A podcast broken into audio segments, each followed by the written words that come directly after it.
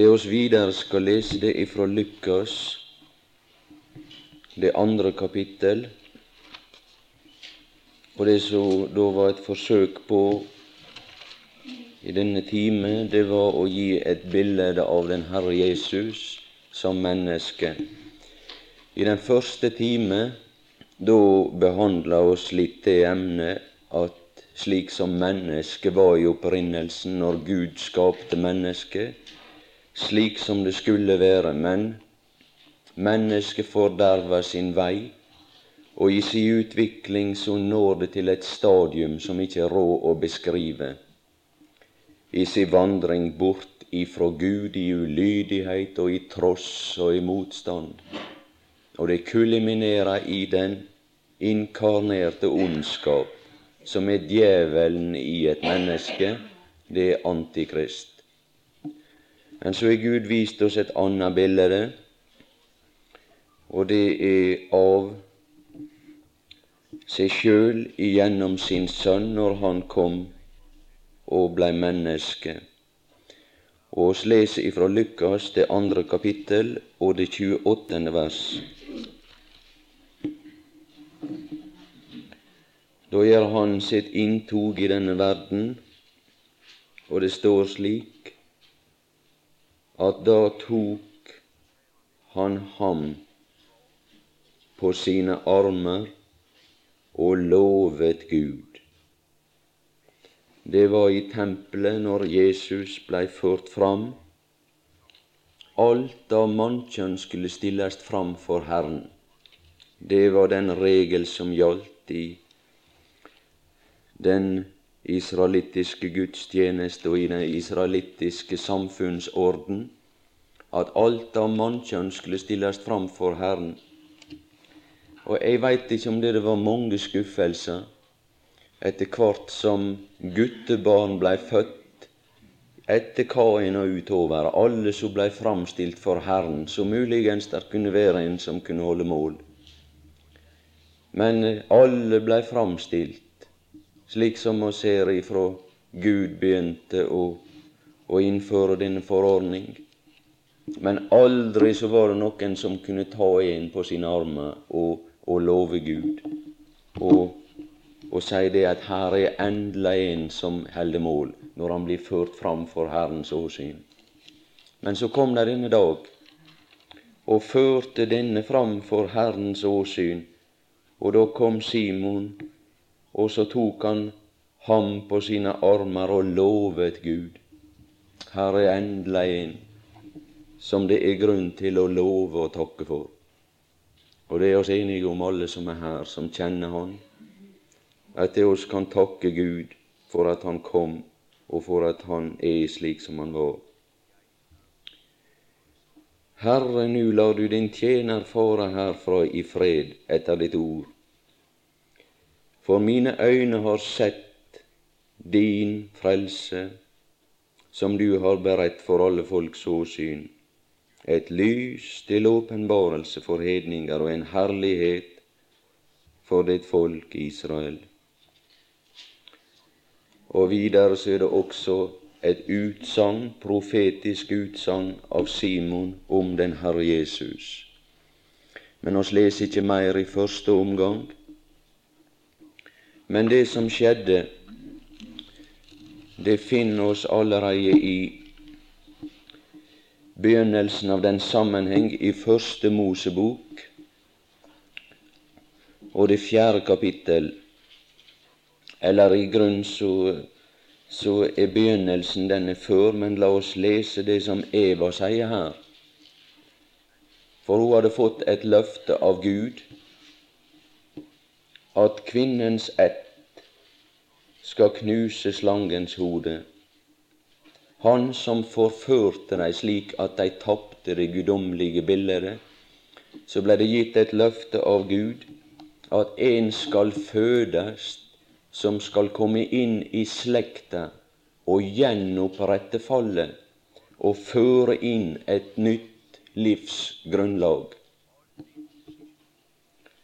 Og hvis du studerer de forskjellige kvinneskikkelser i Israel så vil du se at der ligger noe latent hos alle, og det er dette med å føde en sønn.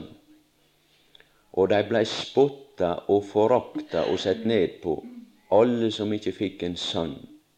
For det var det som virka som ei oppreisning for ei kvinne. Kan bare nevne som eksempel Hanna, som blei mor til Samuel, og det samme var tilfellet også for Elisabeth og andre som oss kan lese om. Men så skjedde det da det med, med Eva i det fjerde kapittel og første vers at, at hun eh, fødte Kain, og da sa hun Jeg har fått en mann ved Herren. Og Adam, han var Eva sin herre. Han var det, men eh, Men det blei eh, Det var noe som hadde kommet inn, slik at han hadde tapt sitt herredømme. Han hadde tapt sin autoritet. Han hadde tapt sine kvalifikasjoner til å grunnlegge ei slekt som Gud kunne kjennes ved. Og derfor var han en overmåte stor skuffelse den første som blei født. Det skal jeg si deg. Det var ikke mye solskinn i den familie etter at Kain var født.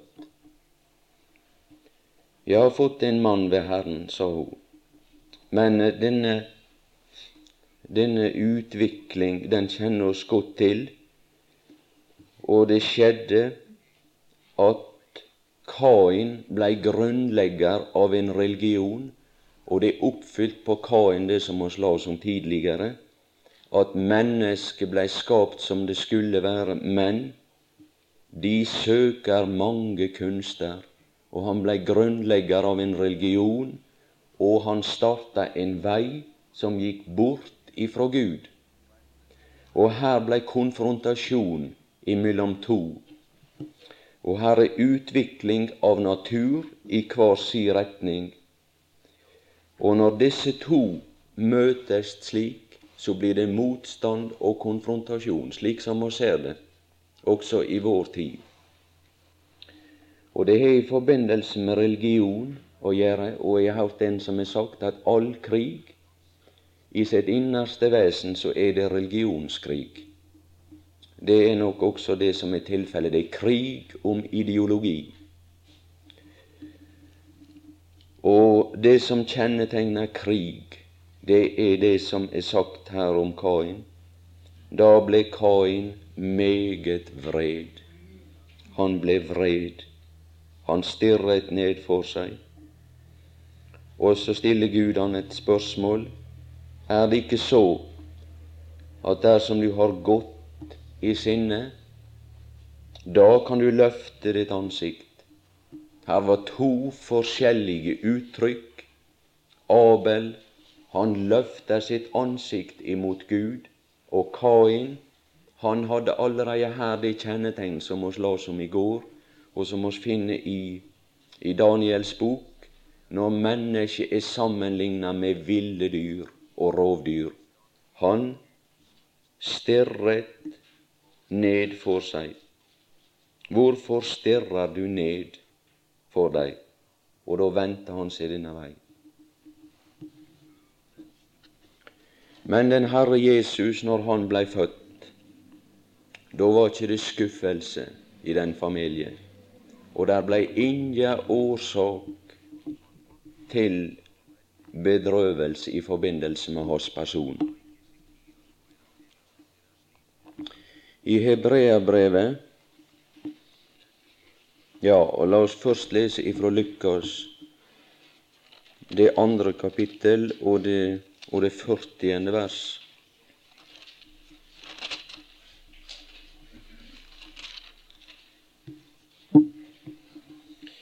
Og det er bare en beskrivelse av den Herre Jesus.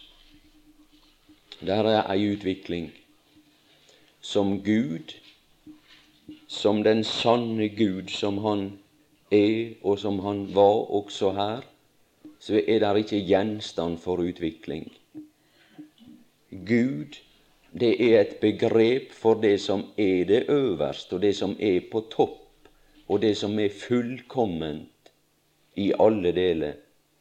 Mens vi har innført en ny dimensjon, og det er det at Han kom inn i vårt sted, og så utvikla Han seg som et menneske og blei til det som Gud hadde tiltenkt.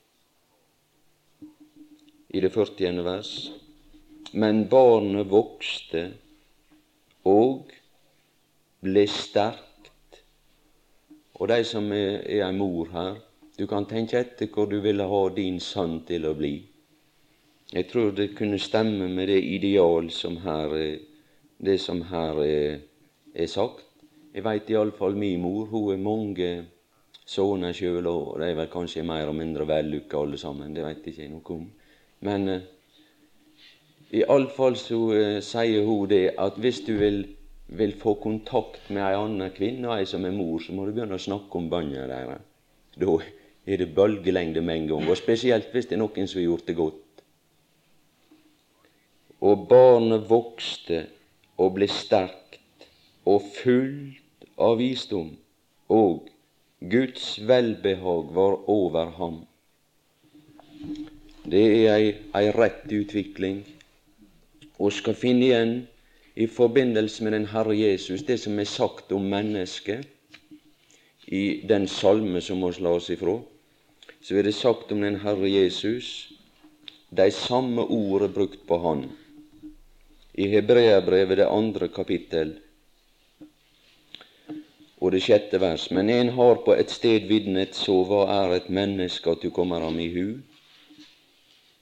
Du gjorde ham lite ringere enn englene. Med ære og herlighet kronte du ham. Og det niende vers, eller her står det samme, alle ting la du under hans føtter. Det han underla ham alle ting, unntok han intet som ikke er ham underlagt. Og så er det nevnt på en annen plass at sjølsagt så er ikke så står denne under Gud. Det er en sjølsagt ting, sjøl om det er sagt at han underla ham alle ting. Men den som er gjort lite ringere enn englene, Jesus, ham ser vi. Det er det fullkomne mennesket.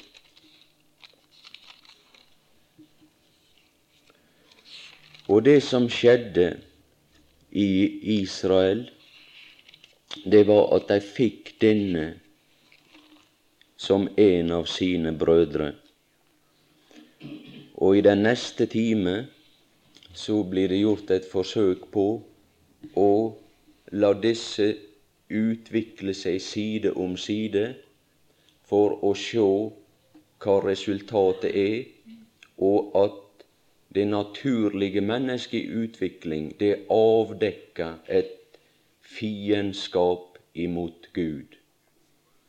For Israel hadde fått et forvrengt bilde av Gud. For det kan være ei mulighet for at du kan kalle det onde godt og det gode ondt. Og Derfor så levde Israel i den forestilling at det, det som var et bilde av Gud, det var det de dyrka, og det var det de tilba.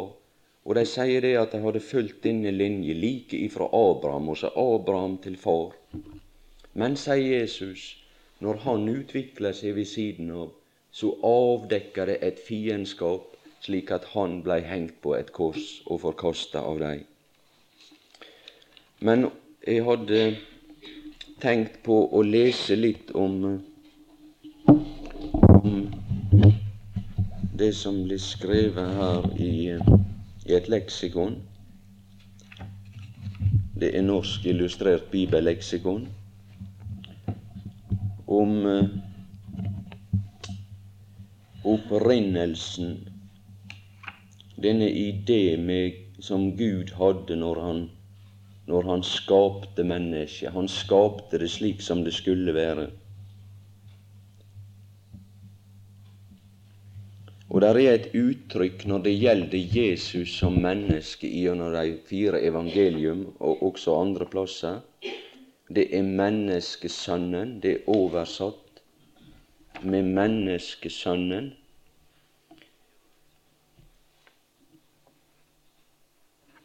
Og det står her, det er ifra spalte 2875 og til 2879.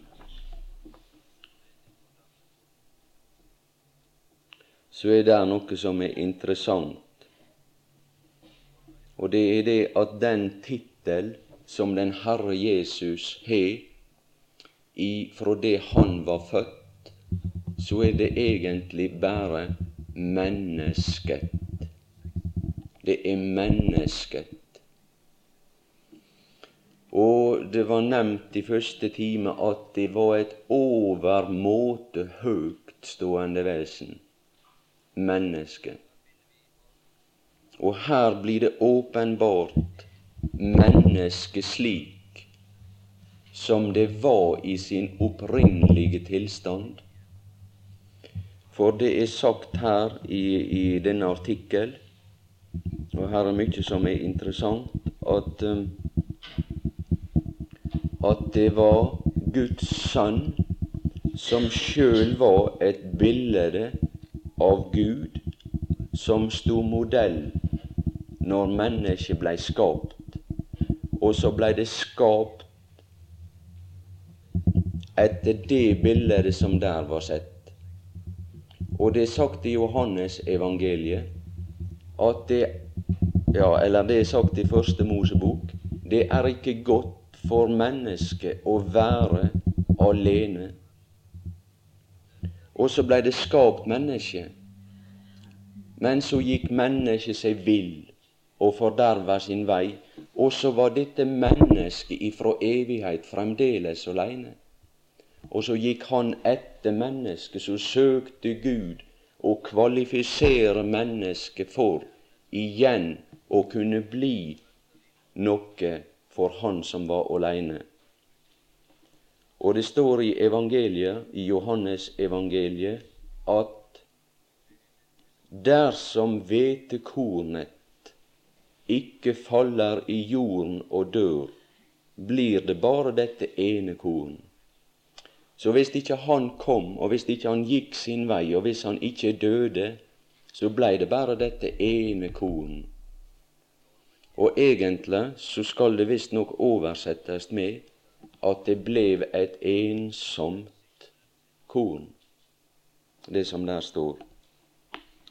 La oss se litt nøyere på det som er sagt i, i denne bibelleksikonen. Det er vel kanskje flere som har kjennskap til den og, benytter seg av den. Jeg vil kanskje få skyte inn det at jeg jeg fester ikke lit til alle kommentar som her er om de forskjellige emner, for her er mange syn som gjør seg gjeldende. Men eh, jeg har all respekt for de som kan grunnspråk og studere Bibelen. De er oss bruk for, og sammeleis til teologer til å oversette Bibelen. Og oss benytte oss av det som de kom fram til. Og her er ei god hjelpekilde for å få fatt i det som Gud ville ha sagt. Menneskesønnen, det er nevnt 69 ganger det uttrykk i det som heiter de synoptiske evangelium. Det er de tre første. Matteus, Markus og Lukas, de tre likelydende evangelium og tolv ganger Johannes evangeliet. Jeg leser litt av det som de sier der om oversettelsen av dette uttrykk. Menneskesønnen er oversettelsen av det hebraiske ja, Jeg kan ikke uttale på disse her, men dere får unnskylde om jeg leser det slik som det står her. Ben Adam og arameisk Ben Nasa. Og arameisk, det var det språk som de mener at en Herre Jesus brukte i sin dagligtale. Den greske betegnelsen kan føre til den misforståelse at dette betyr menneskets sønn, og skal si noe om opphavet, altså det genetiske forhold. Men betegnelsen må forstås ut fra semittisk språkbruk, hvor man setter til el bar som er sønn for å betegne et enkelt, bestemt eksemplar innenfor arten eller kollektivet. Menneskesønnen er den beste oversettelse og betegner altså rett og slett en som hører menneskeheten til. Et bestemt menneskebarn.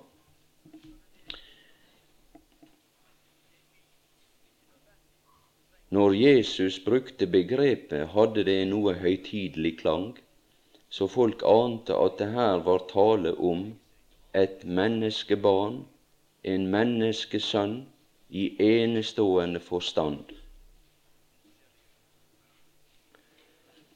Så eh, når oss leser gjennom evangeliet, så omtaler han seg sjøl, eller han omtaler et eksklusivt menneske og det i tredje person menneskesønnen, eller egentlig bare mennesket.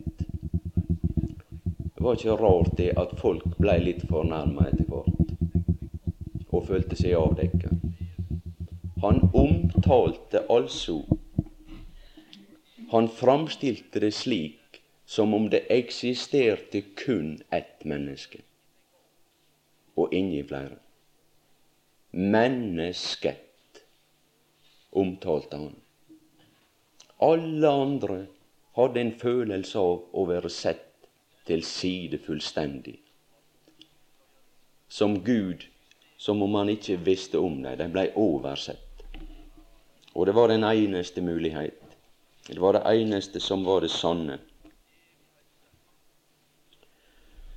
Har jeg sagt mye her i hele denne artikkel, og jeg vil anbefale den. Men la oss bare ta med litt av det som er sagt om, eh, om han, slik som han var i sin, i sin tidligere tilværelse, slik som vi finner han i Salomos ordspråk, når han var hos Gud ifra evighet av. Og det er fra spalte 2878.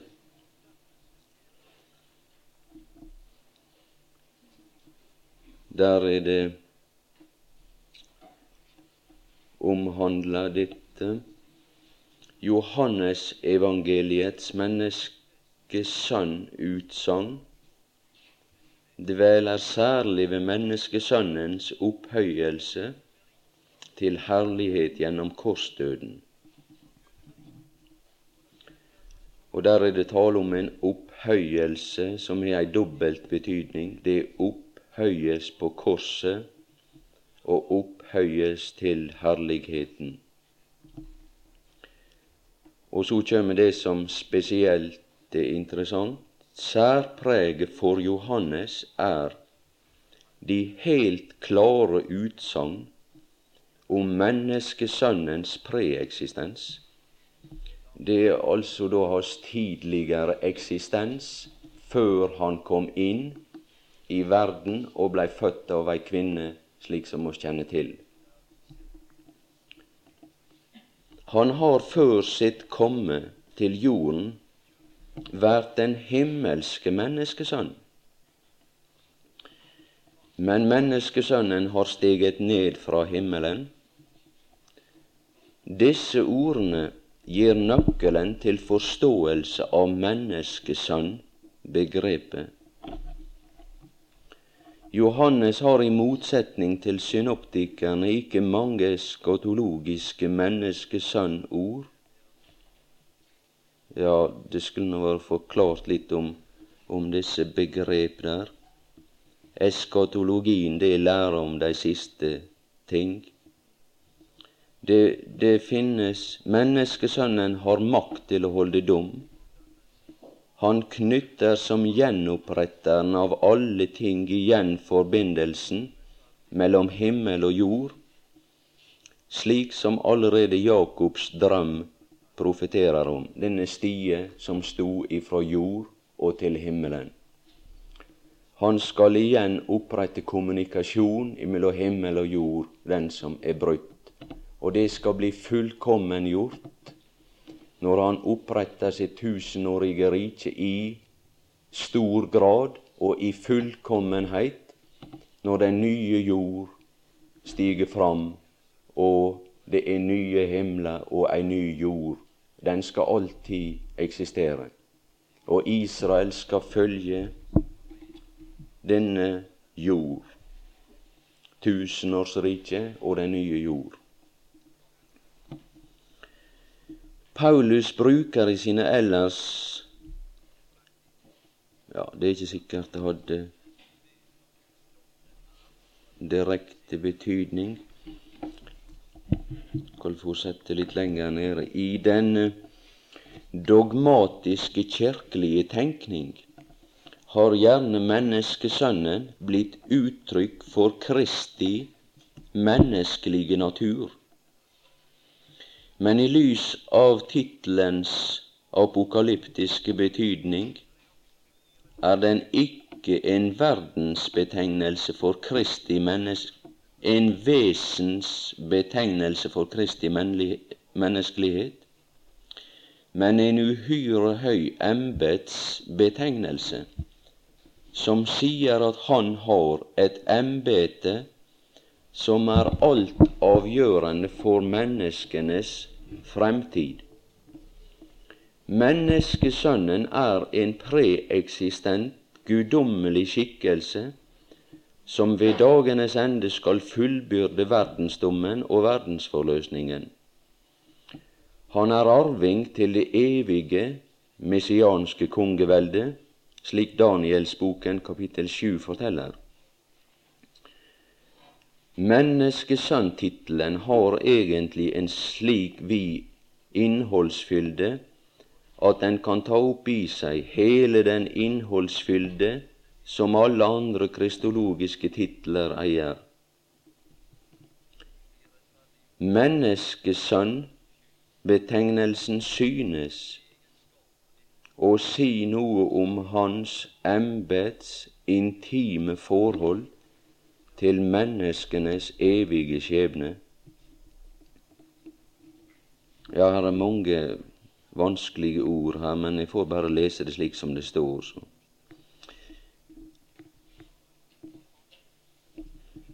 For her kjem noe som er av, av betydning for heile det opplegg som oss er i ferd med å behandle. Men dette sotiorologiske forhold antyder etter manges oppfatning også noe om hans antologiske, dvs. Si vesens forhold til menneskene. Når det heter at den forløste menneskehet ved likedannelsen til Kristi bilde i Romerne 8,29 og fornyes til sin skapers bilde, Efeserbrevet 4.24, ligger den slutning nær som mange drar, at Kristus kalles menneskesønn også fordi han fra begynnelsen, som Guds sanne bilde, har stått modell ved det første menneskes skapelse, og at han således er menneskehetens prototyp, urbildet. Den første Adam blir da et skapt, kjødelig og jordisk bilde av Gud. Over den uskapte, himmelske og pneumatiske, dvs. Si åndelige menneskesønns bilde. At han er det første mennesket, og Kristus egentlig så er han den første. Men der er et lite bilde, jeg kan ikke komme for nøye inn på dette. Det var berørt ved noen møter som vi hadde i sommer, at hans arm den var synlig først, men så var han tilbake til hos Gud og viste seg ikke før som den andre, men han er likevel den første.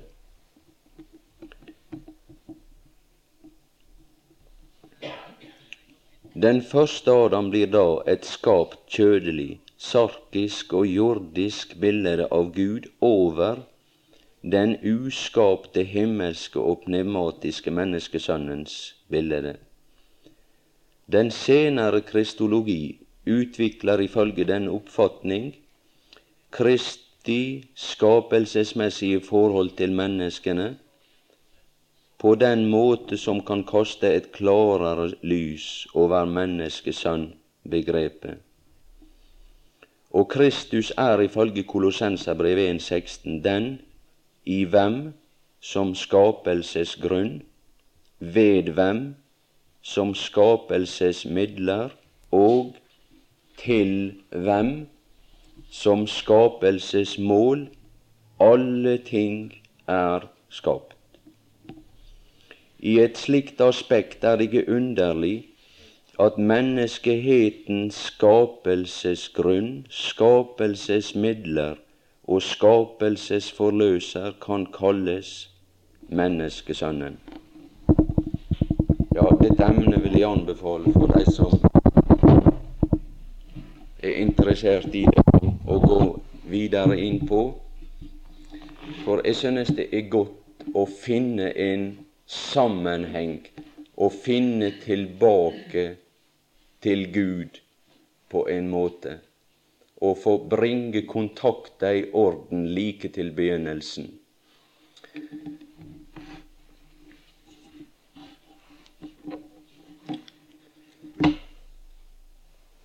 Ja, oss får gjøre et forsøk på å ta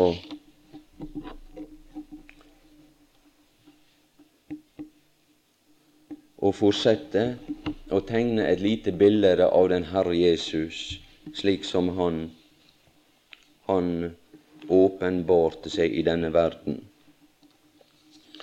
Og Da skal vi lese bare noen uttrykk.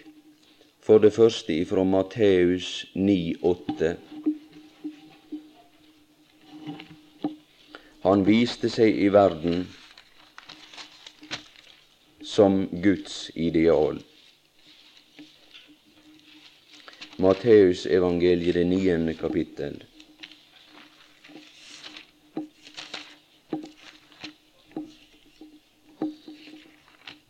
Og det åttende vers.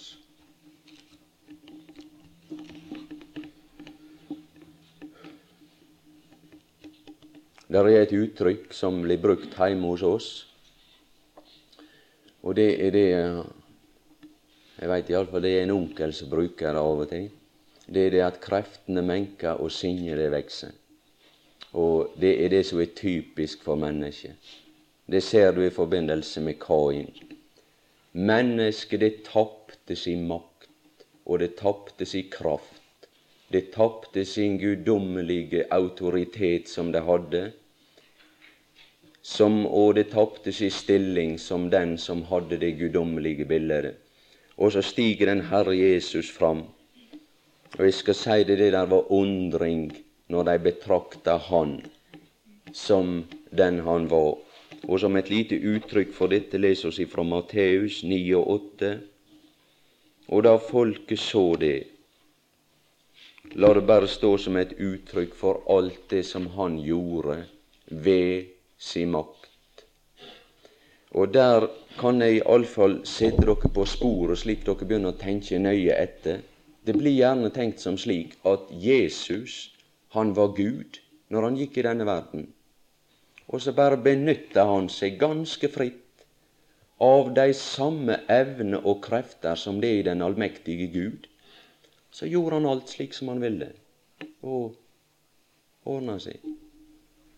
Ja, da var ikke det vanskelig å leve i denne verden. Da var ikke det vanskelig å leve i denne verden.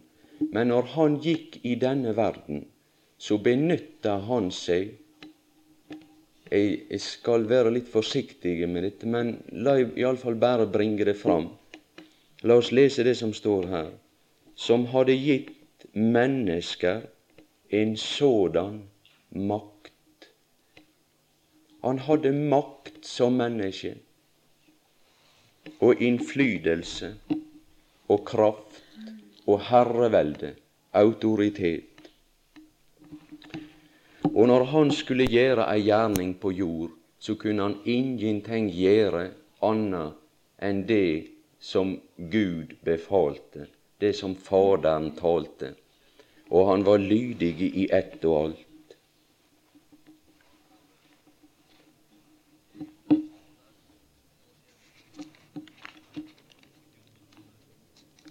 I Johannes 12, 49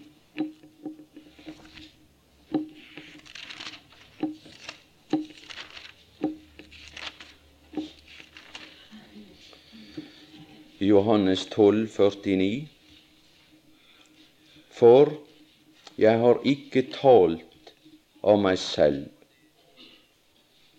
Der er menneskets sanne stilling i overensstemmelse med det bud som var gitt i begynnelsen.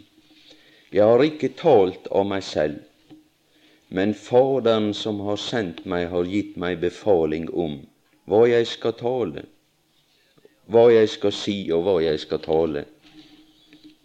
La det stå som et eksempel, og i alt som han gjorde i Johannes 17, 4,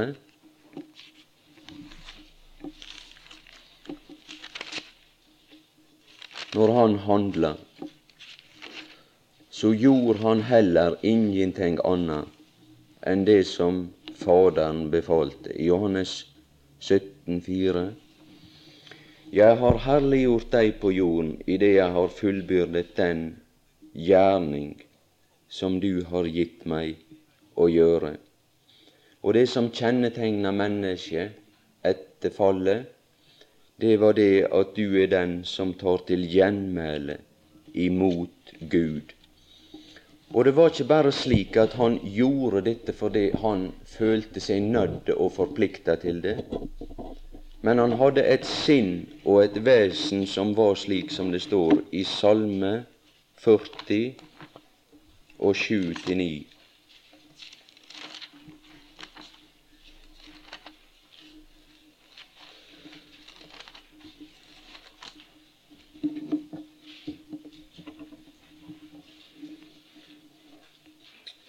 Eller bare det åttende vers. Da sa jeg, se, jeg kommer i bokrullen er meg foreskrevet,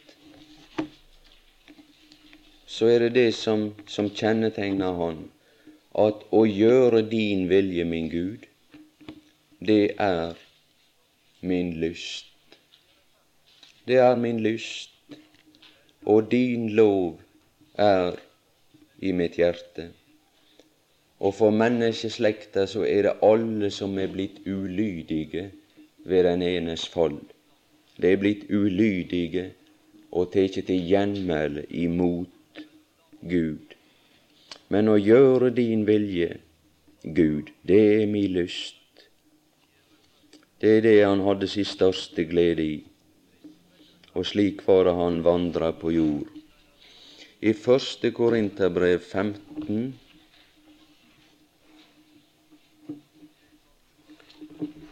Der finner oss det som allerede har vært nevnt flere ganger.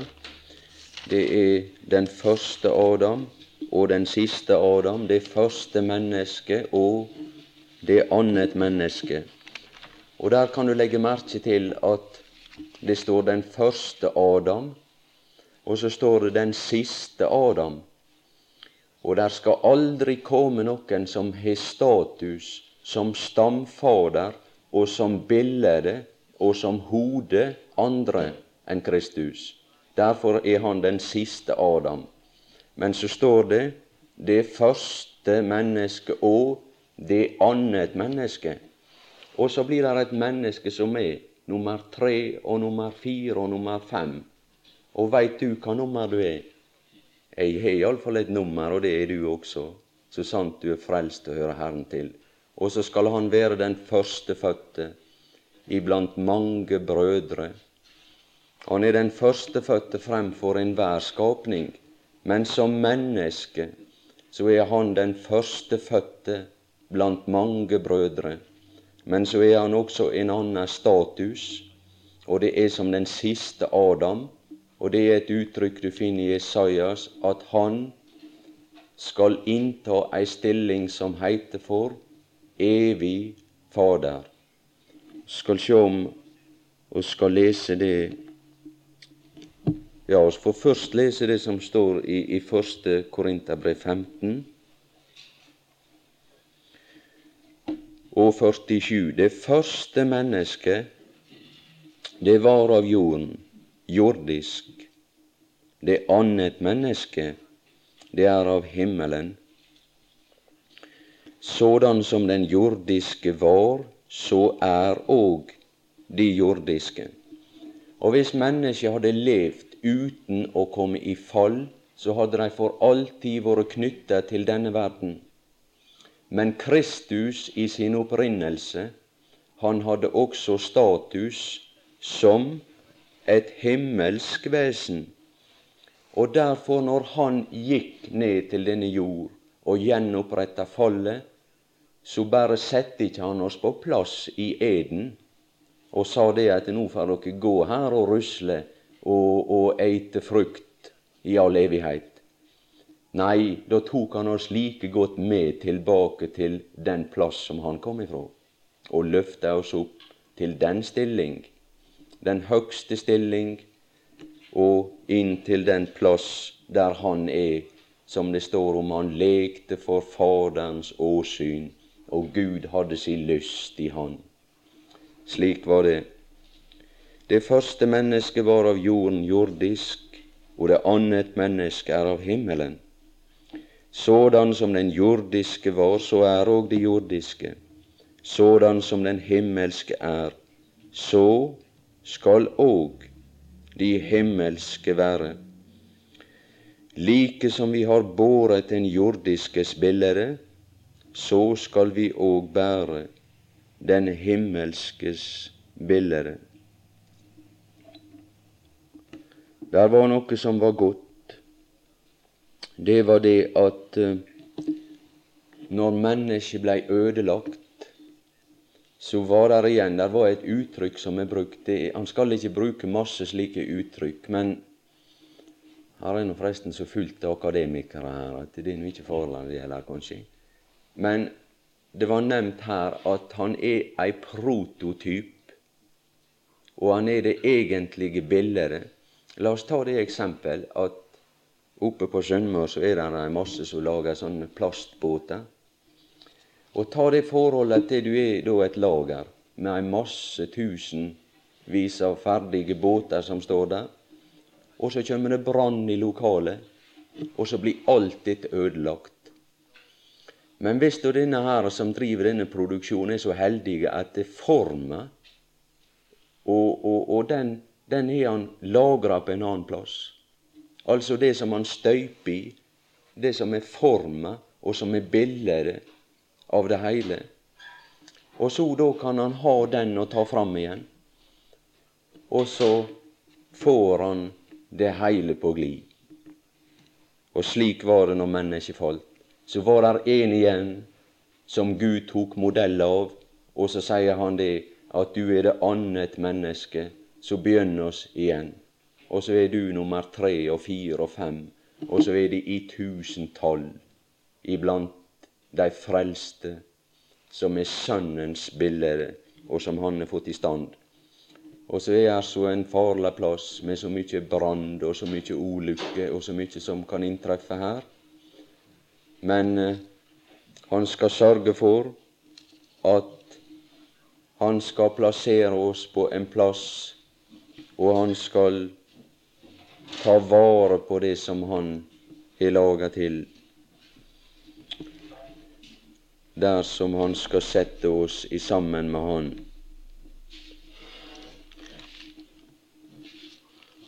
Her gikk de under stor forakt men se dem der i deres prakt. Og i grunn så er oss allereie gjenskapt i denne sitt bilde også, i den stand som oss er. Men dette er et bilde som er skjult. Det er hjertets skjulte menneske. Slik at det ikke åpenbart egentlig kan å si. Du så den Herre Jesus når han gikk på jord. Så blei han forakta og aktet for intet. Og derimot andre som hadde forstand, de sa det vi så Hans herlighet. Og det ser jeg også hos, hos enkelte slik. Det er herlige og hellige i mine øyne, men i verdens øyne der er dette ikke synlig, dette sannens bilde slik som han er i si guddommelige fylde. Men det skal også fullbyrdes. La oss bare ta et lite glimt, slik som Paulus så han igjen. Og eh, det skal ikke bli lett å forakte og sjå nei på den som er slik. Mennesket, om dei står det, at dei tapte si herlighet, dei tapte sin glans, og dei tapte si ære. Men la oss lese i apostlenes gjerninger, det, det niende kapittel.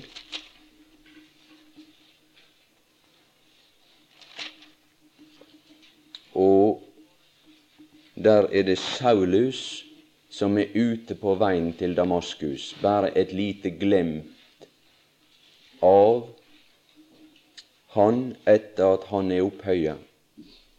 Mennesket det tapte sitt lys, og det tapte sin glans. Men her er modellen på det som vi skal bli, og skal være med Han. Han viser seg for alminnelig dødelige her på himmelen, og du skal sjå det inntrykk som han gir. Men det skjedde på reisen at de kom nær til Damaskus, og med ett strålte et lys fra himmelen om ham. Han falt til jorden og hørte en røst som sa til han, Saul, Saul, hvorfor forfølger du meg? Han sa, Hvem er du, Herre? Her var en som hadde herredømme, og en som var høgt satt, som hadde autoritet og innflytelse. Og så undrer Paulus seg, Hvem er du, Herre? Og hva er det han sier? At det er Gud, og at det er den allmektige som viser seg for deg. Jeg er Jesus. Jeg er Jesus. Det var denne mannen ifra Nasaret som var satt der. Det var denne mannen, det var dette mennesket. Jeg er Jesus. Ja, der var stråleglans et lys fra himmelen i det 22. kapittel og det sjette vers. Der er det samme fortalt. Jeg er Jesus fra Nasaret. Apostlenes gjerninger 22, 8.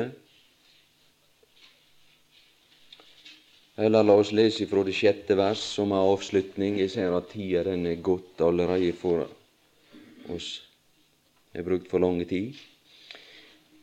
Men det skjedde da jeg var på veien og kom nær til Damaskus. Da strålte ved middagstider et sterkt lys fra himmelen med ett omkring meg. Og jeg falt til jorden og hørte en røst som sa til meg, Saul, Saul, hvorfor forfølger du meg? Jeg svarte, Hvem er du, Herre? Hvem er du? Hvem er da du menneske?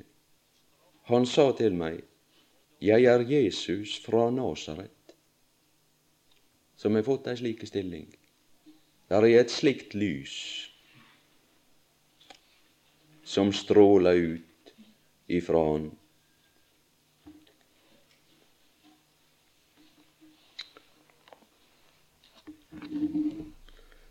Ja, oss be Herre om velsignelse for det som er sagt, og om du kan forklare litt av disse sannhetene.